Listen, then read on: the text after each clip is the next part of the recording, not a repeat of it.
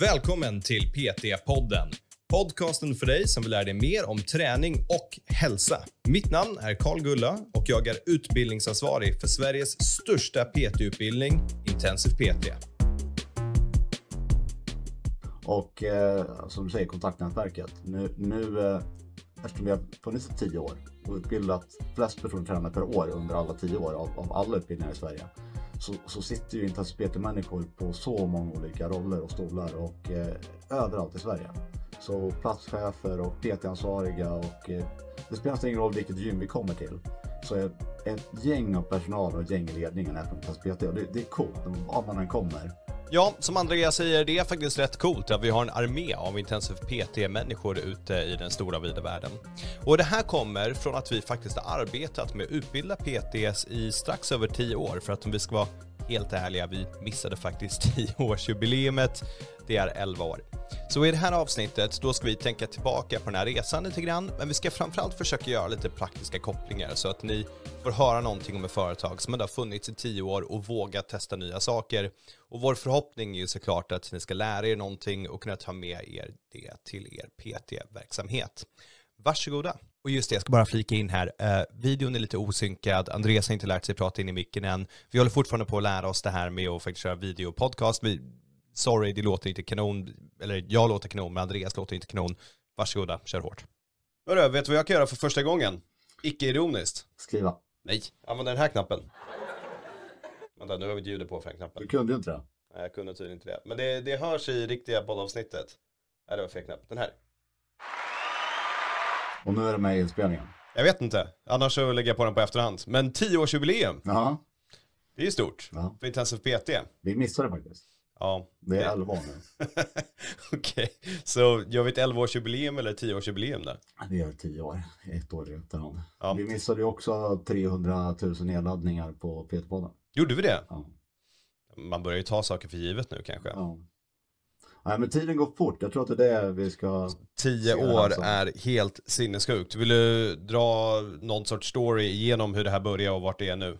Ja det är intressant för att det blir aldrig den verksamhet som man tror det ska bli i slutändan. För att det här började jag startade ju ett gäng gym som du vet. Vänta, har du två stycken hörlurar på dig nu? En här och en runt halsen? Man kan det för många hörlurar. Ja, backup, rutinerad, 300 avsnitt av PT-podden. Och inget, inget uppsättning hemma som du brukar gnälla på. Så jävla störande. Fortsätt med din historia. Ja, så jag öppnade ju massa gym. Och det trodde jag var verksamheten. Det trodde jag att det här är det som jag kommer spendera min tid på. Mm. Och, och sen så var det svårt att få tag på personliga tränare. Och jag hade gått PT-utbildning och hade svårt att hitta en bra PT-utbildning där jag kunde rekrytera från. Mm. Tänkte, ska man inte bara göra någonting vettigt, en vettig PT-utbildning i Sverige?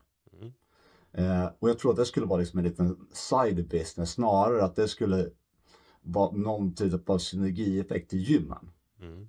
Eh, men det gick ju bara något år och sen var ju PT-utbildningsverksamheten var ju mycket större än alla gym tillsammans. Precis, liksom, ge, ge någon bild av hur PT-utbildningen startade då. Va- Vart var steg nummer absolut ett? För det är ändå ganska häftigt. Ja, så steg nummer ett var ju så att ska vi göra det här? I sådana fall, hur ska man göra? Mm. Och då tog jag ihop ett team av personer som hade någonting att tillföra. Så, så läkare och kiropraktorer och personlig tränare och så. Eh, och sen hade ju vi tillsammans hade ju gått ganska mycket av det som finns, både i Sverige och utomlands. Mm. Och så tittade vi på vad gör de, vad gör de bra, vad gör de dåligt? Och det var några saker, kursplan var väl ungefär densamma på, på alla. Och det finns ju, på den tiden var det ju bara Europe Active egentligen. Eh, Så det var ju ganska styrt på vad man fick och inte fick ha med i de här kursplanerna. Så det de skilde sig åt då var primärt hur man levererade, vilka lärare.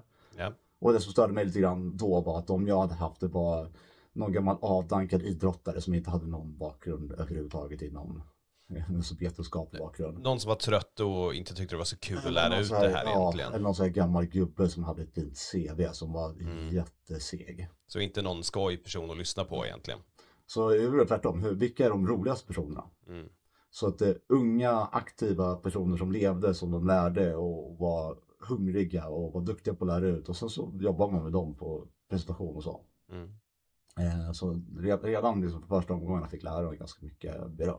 Det, det där är en sån här konstig grej för att ofta, allt kursmaterial det tas ju ofta fram centralt. Så ha liksom en profillärare som har stora CVn och allting. Det är egentligen ingen större poäng med det. För att materialet är någonting vi måste gå igenom för att det är liksom bestämt från Europe Active ändå. Ja. Så det är mycket bättre att ha en kul person som också har koll på vad de pratar om. Men, Ja. men ändå, liksom, det, det blir lite skevt det där. Ja. Det är inte så att bara för den här personen har ett fint CV att de har satt ihop kursmaterialet. Förmodligen är det inte så. Och vi började titta på, jag, jag känner ju bland annat en av som var en av cheferna på cancerforskning på, på Karolinska. Mm. Tänkte undra om han ska ha liksom, med, med biokemi och, och den biten. Mm. Så, det är helt onödigt. Ja. Det, det behövs inte för att den kompetensen han har, det kommer aldrig komma en fråga som, som han kan besvara som inte en vanlig person som har en normal utbildning inom biokemi kan svara på. Mm. Så varför liksom försöka få det där extra att det ska bli se fint ut i liksom säljargument. Vi har en professor. Mm. Det är inte värt det. Nej. Utan de som är bäst på att lära ut ska ha de här äh, tjänsterna. Jag, jag håller med dig. Jag, jag håller verkligen med. Så, så du gjorde det, du satte ihop det här teamet, ni började jobba med föreläsningar, ni började sätta ihop allt material. Ja, det tog ett år ungefär Mm. och samla ihop allting. Så under, där- under det här året så samlade vi ihop och byggde allt material samtidigt som vi gick andra utbildningar. Och samlade ihop, fortsätta, vad gör de bra och vad missar de? Och sen en annan sak som, de, som jag tyckte att alla missade. Och det var när man var klar, då var det, då var det slut. Det fanns ingenting mer. Mm. Så hade du någon fråga om någonting, för, för det första fick du inte fråga om någon som hade med dina klienter att göra. Det, det var liksom inte prioriterat. Utan du fick ställa frågor om utbildningen. Så om jag behövde hjälp med en klient så hade jag ingenstans att vända mig. Det, det, det fanns ingen hjälp att få. Mm. Så tänkte okej, men vi ska ta hand om eleverna efter utbildningen också. Så vi skapade den här Facebookgruppen och började lägga till folk där. Så fick de ställa precis vad de ville för frågor i den här gruppen. Mm. Och så det var den andra och den är också jätteuppskattad fortfarande. En av de absolut viktigaste grejerna. Det, det utvecklades ju sen till att vi finns där före, under och efter utbildningen. Eh, och efter utbildningen är ju det absolut viktigaste egentligen. Alltså det, det är då man behöver stöd som PT. Och sen så när den här, jag tyckte redan från början att det här är, det här är bättre. Alltså kursplanen är bättre och våra lärare är bättre. Jag tyckte att det var bättre. Sen är jag väldigt mycket bias för just den här utbildningen. Men jag tyckte den var bättre. Så då började jag okej nu kan jag inte jämföra dem med PT-utbildningar längre för vi är bäst. Vilka utbildningar ska man jämföra sig med dem? Då tittar jag på Harvard och Yale och alla de här riktigt stora instituten. Vad gör de?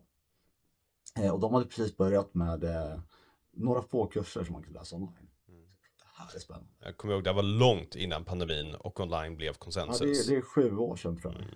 som vi gjorde det här. Så det, det fanns några få och de här stora instituten var ju först.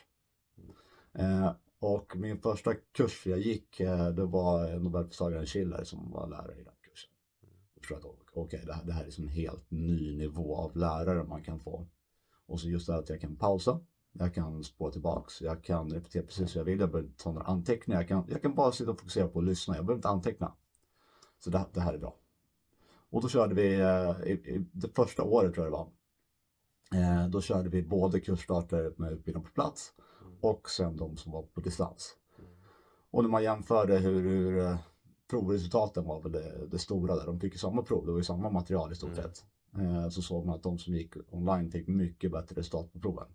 Och det är ju så rimligt att det är så. Verkligen. Verkligen. Alla som har pluggat någonting, nu vet jag många som lyssnar på den här podden har ju gått vår utbildning så de vet ju vad det är. Men att bara kunna pausa och gå tillbaka till en föreläsning. Vad sa han eller hon nu? Vad sa föreläsaren? Jag hängde inte med där.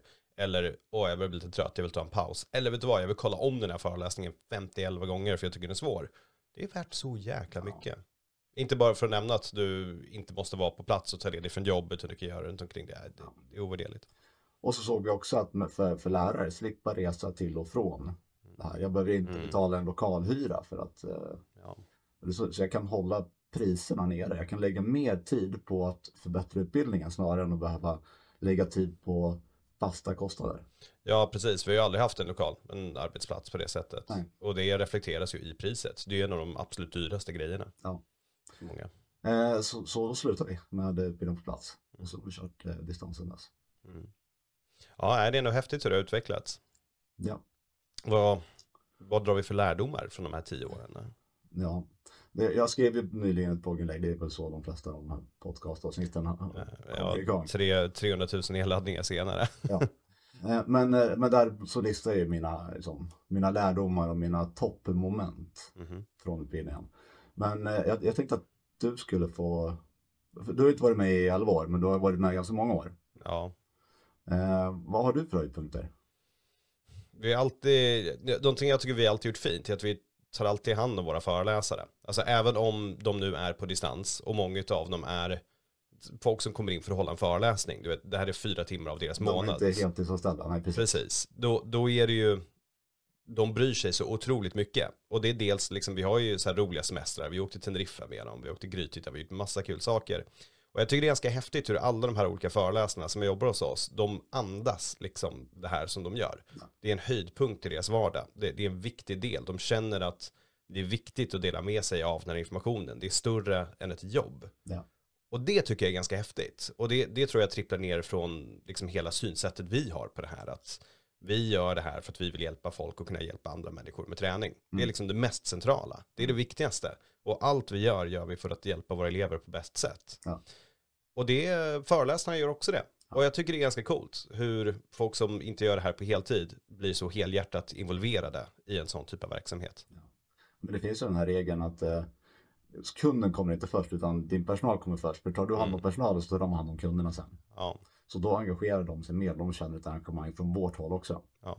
Så det där är ju en av mina punkter, personalresorna. Det, det är de saker som jag kommer ihåg mest av de här tio åren. Mm.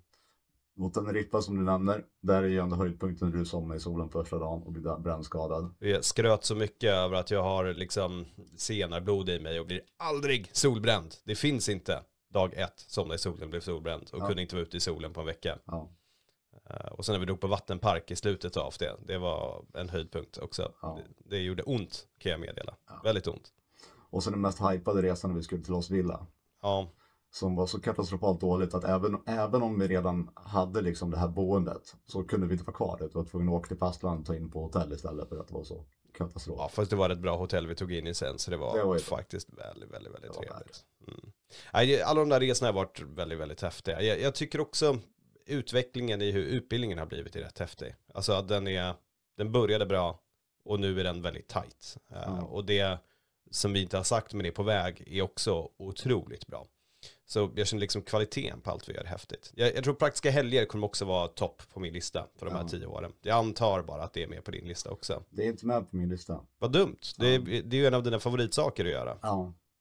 Eh, Så jag har ju två stycken saker som jag fortfarande tycker är superkul och skulle göra hela tiden om jag fick. Och det är podcasten och eh, Praktiska helgerna. Ja, Men den platsar inte på den här listan. Den, den kom inte in där. ja men vad? Podcasten fick. Podcasten fick vara med. PT-podden. Ja. Men det är, det, det är ju liksom i linje med det här att finnas där för elever före, under och efter utbildningen. Så är ju det här ett av de primära sätten vi verkligen finns där efter utbildningen. Vi, vi har ju pratat om Peter-podden och vilken riktning det ska ta så. Mm. Och vi har ju valt en otroligt smal eh, Jaha. målgrupp. Just inte. personliga tränare i Sverige. Det finns inte jättemånga. Nej, och Vi det, har ändå 300 000 nedladdningar. och det är också så här, kollar man då på vad vi pratar om. Det hade varit en sak om vi pratade om träning, Ja. alltså i 90% av avsnitten. För då skulle ju en random som inte vill jobba som PT kunna lyssna på det och tänka, ja men det finns ändå mycket om träning här för att det är PT som pratar om träning. Men så är det ju inte. Alltså vad är det, 75% av podden är business eller Ja, sälj och tips. koncentrationer. Ja. Alltså sånt som faktiskt hjälper personliga tränare. Det finns massa saker om träning. Det finns hur mycket som helst. Det finns hur mycket podcast som helst. Men det få, liksom något avsteg vi gjorde, vad är svårt som PT? Det är få personer som pratar om vad faktiskt är utmanande i PT-yrket. Alltså vad, vad trodde man inte var svårt, men faktiskt var riktigt svårt. Det är en rätt häftig grej. Ja. Och att det här är också något som man kanske inte tänker på, men vi, har ju, vi är helt osponsrade, så det är ingen Mm. sponsor. Vi, har ingen, vi säljer ju ingen reklam, vi tjänar absolut ingenting på den här podcasten. Ja. Utan vi gör det som en tjänst till personliga tränare, inte bara våra elever, utan alla. Ja, Så det här är någonting som vi har valt för att vi tycker att det är värt det och vi tycker att det är kul. ja. Och vi har väl inga planer på att sluta med det här, det är ju fortfarande... Nej, vi har väl inga planer med att sluta med någonting. Alltså podcasten är fantastisk och utbildningen är super också. Ja. Um, det, det låter väl lite mellankoniskt som man säger tio år, tänker vad kommer du ihåg och sådär, men det är ju tio år till liksom. Ja. Eh, först på min lista var ju, är ju personerna och det, det, det måste man väl kanske någonstans skriva också.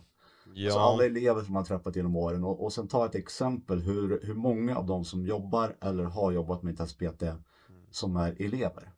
mm, Och det är ju nästan alla. ja. Ja det, det, är, det är kontaktnätet och de människor man har träffat. Och där ska vi väl liksom vara helt ärliga och säga, både på gott och ont liksom. Det, det har varit mycket fantastiska människor, men ibland har man också liksom blivit lite stressad. Vi sitter det är på mycket support människor. också. Intensiv PT är ju fortfarande en, en tight organisation. Vi driver Ja. med ganska få personer. Så du och jag sitter ju på support. Och det är ju en utmanande. I vilket bolag man än har så är det ju tufft. För av, eh, som sagt vi har tusen elever per år.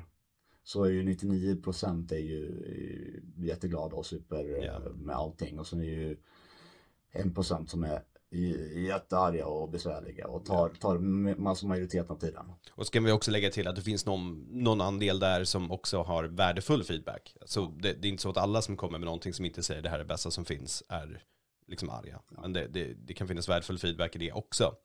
Men det betyder inte att det är kul att ta emot. Men när 90% av feedbacken vi tar emot är att folk uppskattar det här och tycker det är bra, det motiverar ju väldigt mycket att fortsätta. resten, precis. Ja. Och eh, som du säger, kontaktnätverket. Nu, nu eh, eftersom vi har funnits i tio år och Mm. utbildat flest personer tränare per år under alla tio år av, av alla utbildningar i Sverige. Så, så sitter ju intensiv PT-människor på så många olika roller och stolar Mm. och eh, överallt i Sverige. Så platschefer och PT-ansvariga och eh, det spelar ingen roll vilket gym vi kommer till. Så är ett gäng av personal och ett gäng i ledningen är från intensiv PT och det, det är coolt. Var man än kommer så, så är det personer som eh, Och du och jag kommer ju vara bias för att vi jobbar ju med det här. Men jag upplever att liksom det här med PT-utbildning, det är ju också så här om du tänker vilka utbildningar man har gått, det är ganska ofta man struntar i vilka som har utbildat en. Ja, det ja. spelar ingen roll. Nej. Men jag upplever väldigt ofta att våra elever faktiskt bryr sig. Ja. De, har en lojalitet och de känner liksom en emotionell koppling. Många, inte alla såklart och kanske inte ens hälften, men många gör det. Och det ser man liksom i den här interaktionen som finns i bland annat Facebookgruppen och när det kommer upp någon post i typ personliga tränare i Sverige när de frågar kan någon rekommendera en PT-utbildning och så är det liksom majoriteten intensiv PT-folk som gör det. Det gör man ju för att man tycker om ja, vad man det vill här hjälpa är. till. Ja. Det, det här börjar bli lite av ett skrytavsnitt. Vi måste ha lite praktiska liksom, implikationer, lite lärdomar, lite tankeställningar. Lite sådana saker också här Andreas. Ja, okej, jag, jag, jag har en som jag kom på nu. Kommer du ihåg i början när vi hade livechatten på hemsidan, öppet dygnet runt och det var du och jag som personligen svarade på allting. Ja. Och den, jag får fortfarande rysningar när jag hör den här signalen. Den, den, den, den. Oh, ja, det, det var påfrestande. Så vad är lärdomen där? Ha inte livechatt på hemsidan om I inte alla ni är fall redo inte att dygnet runt. ta den. Nej, alltså Begränsa tiderna. det här med öppettider, det har varit en sån sak vi har fått jobba på. Ja. Vi hade ju telefonväxeln öppen, det var inte om du var med, men jag hade ju telefonväxeln öppet dygnet runt också. Ja, Och svarade, även om det ringde klockan två på natten. ja, Och det, det kunde man förstått att det kunde man låta bli för att personen som ringer klockan två på natten ja. är kanske ingen som, de- frågorna som ställs är förmodligen kanske inte de vettigaste och kunde nog väntat definitivt Ja. till morgonen, Ja. om vi säger så. så det är en lärdom, precis som om du är personlig tränare, begränsa tillgången till dig Mm. eh, och din tid. Så det, det tror jag är den absolut största.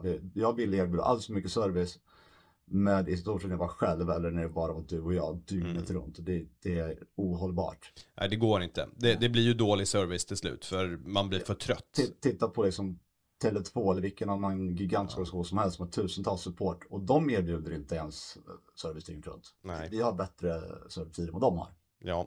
ja, verkligen. Och det där är ju värt för alla som tänker online PT eller vad det nu ska vara. Det, erbjud bra service, gör det, men sätt upp riktlinjer innan för hur du faktiskt vill göra det. Ja, och, och kommunicera de riktlinjerna så att folk vet vad de ska förvänta sig. Och Det måste vara ett av våra vanligaste tips i jag tror PT-podden. det. jag tror det. Undrar om det är för att vi är bias trötta på att svara på supportärenden klockan två på natten. Ja, och sen så ska det är inte säkert det ser bra ut ens.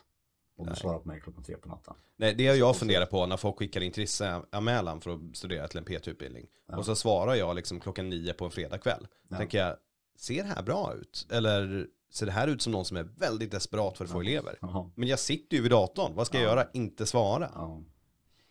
Nej, det, det är nog kanske den största. Annars, jag upplever inte att vi gjort så många misstag. Det finns säkert jättemånga.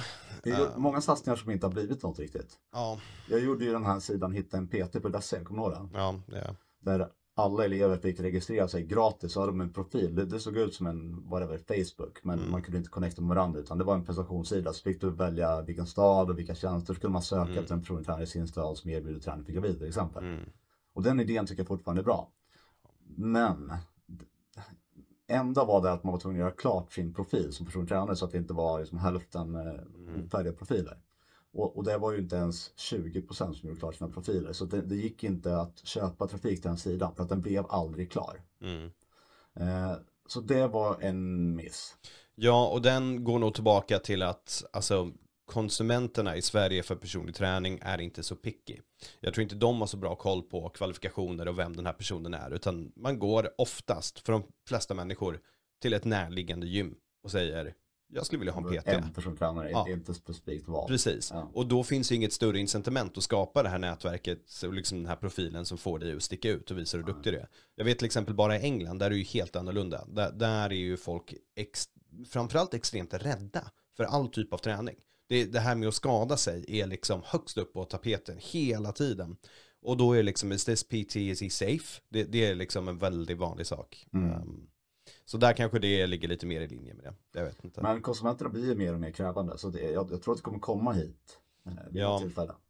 Men Ja. det känns som att de flesta vet inte att det var ett val. Att det känns som att jag går till ett gym och sen blir jag tilldelad en personlig tränare om jag vill ha en PT. Ja. Eh, Så där ska man nog kanske ha förhoppningar på att konsumenten blir mer medveten.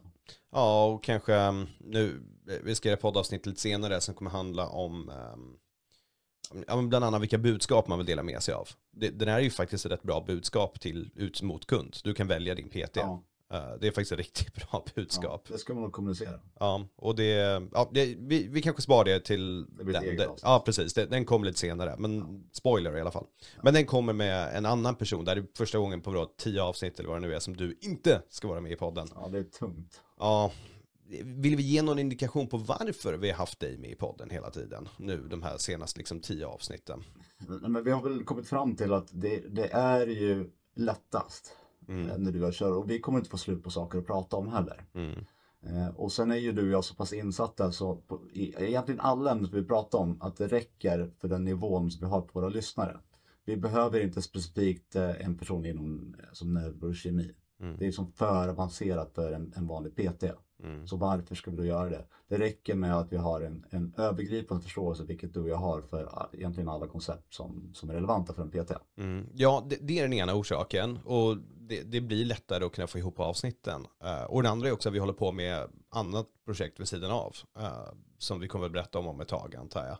Och det tar upp så otroligt mycket tid. Så hitta gäster, göra förintervjuer, för vi gör ju mycket jobb när vi har en gäst med i PT-podden. Det är ju förintervjuer, det är mycket mer redigering som sker och så vidare. Det tar tid och den tiden finns inte riktigt Nej. just nu för vi kör ganska hårt på Ja. den här grejen. Sen har ju, vi har ju haft gäster som har varit eh, kanske inte de mest relevanta för en personlig tränare, men vi tänkte att ja, men det här är bra för att få upp generell kunskap eller vetskap Mm. om att den här kanalen finns. Men vi har ju inte sett riktigt att de avsnitt har dragit fler, Nej. utan det är snarare vilket ämne vi pratar om som avgör hur många som kommer till avsnittet. Vad tror du Intensiv PT firar tio år, hur mycket kommer det dra tror du? Vi kommer att dra som snittet.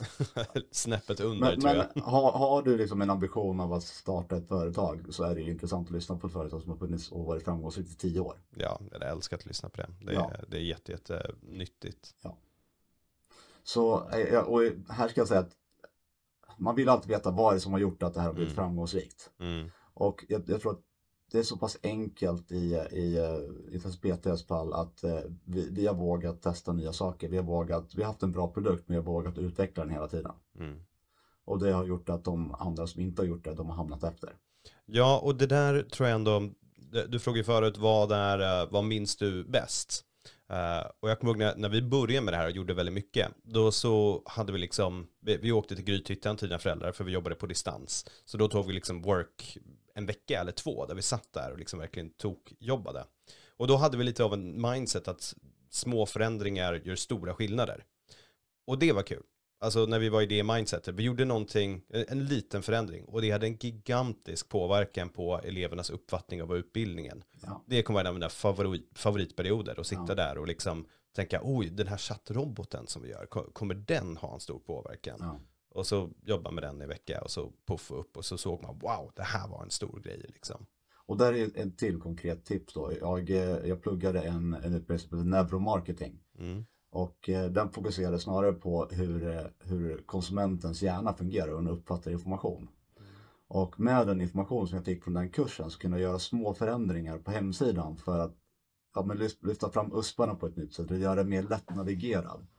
Och så finns det ju program som följer hur en, en besökare beter sig på sidan. Du kan som spelar in hur de scrollar och vad de håller musen, vad de klickar, hur mycket tid de spenderar. Så ser du vad är de intresserade av.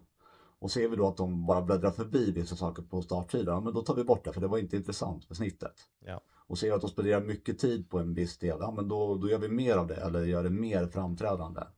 Och sen så när vi lägger till eh, med de här samarbetspartners, men då gick kommenteringsgraden upp lite grann. Och sen har vi till chatten, livechatten som vi också var för alla andra med att, att erbjuda på hemsidan. Ja men då fick de svar på sina frågor direkt och då konverterade det lite bättre. Och sen när vi la eh, tre stycken call to action istället för två call to action så gick konverteringen upp lite mer. Och sen allt eftersom vi såg att konverteringsfrekvensen ökade så kunde vi öka marknadsföringsbudgeten. För då visste vi att ja, men nu, nu ser folk som kommer till sidan vad vi gör och de gillar det och de anmäler sig. Så små förändringar och utvärdera de förändringarna hela tiden. Kolla, vi kan komma med konkreta Ibland. tips också. Ja. Ja. det är stort. Um, men jag känner mig ganska nöjd här Ja, de senaste tio åren. Ja. Som råkade vara elva år. ja. Men nu är det bara nio år tills vi får göra nästa. ja vad kul. Det- Kommer vi upp i 600 000 nedladdningar då, då måste det vara en miljon. Det måste vara en miljon. Vet du vad, om vi tar in en sponsor för PT-podden, då skulle det bara vara någon som kan hjälpa till med spridning. Så vi tar en miljon. Fler Det- vill veta hur, bra vi Ja, är. det, det kommer verkligen vara den enda orsaken om vi tar in en sponsor. Det, det här ska vi göra i år. Det, Ja. Och, och dela det här avsnittet folk. För Karls enda mening med livet är att bli känd. ja, det är verkligen upp som det. en sol när folk känner igen honom på gymmet. Ja. Så dela det här och hjälp honom bli en influencer. Och om ni ser Andreas på stan, hälsa inte på honom. Han har rakat av sig allt hår för att hålla sig mer anonym. Ja, Ehm, han kommer skaffa en face tattoo snart också, så att ingen kommer känna igen honom från sina bilder. jag, känner mig inte så approachable heller. Så folk Nej, det blir bra att du matchar hur ut, din personlighet också. Ja, tack för det här avsnittet. Vi syns om tio år igen. Ja, ha det bra.